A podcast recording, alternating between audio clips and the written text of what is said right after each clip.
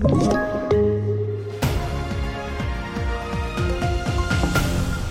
börjar med kriget i Ukraina. Flyglarmen har ljudit över stora delar av landet i natt och huvudstaden Kiev beskjuts med artilleri.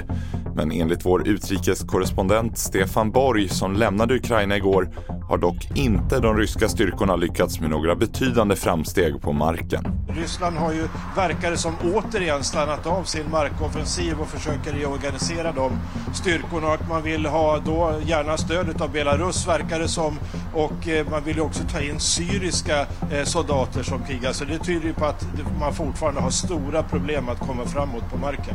Mer om utvecklingen i Ukraina på tv4.se. I Paralympics i Peking fortsätter medaljregnet för Ebba Årsjö och Sebastian Modin. Årsjö var helt överlägsen i stående slalom tidigare i morse och segern innebär att hon säkrade sitt andra guld och totalt tredje medalj i de paralympiska vinterspelen. Samtidigt har Sebastian Modin tagit silver i 12,5 km fristil tillsammans med ledsagaren Emil Jönsson Haag. Han lämnar därmed också spelen i Peking tre medaljer rikare. Fler nyheter på tv4.se. Jag heter William Grönlund.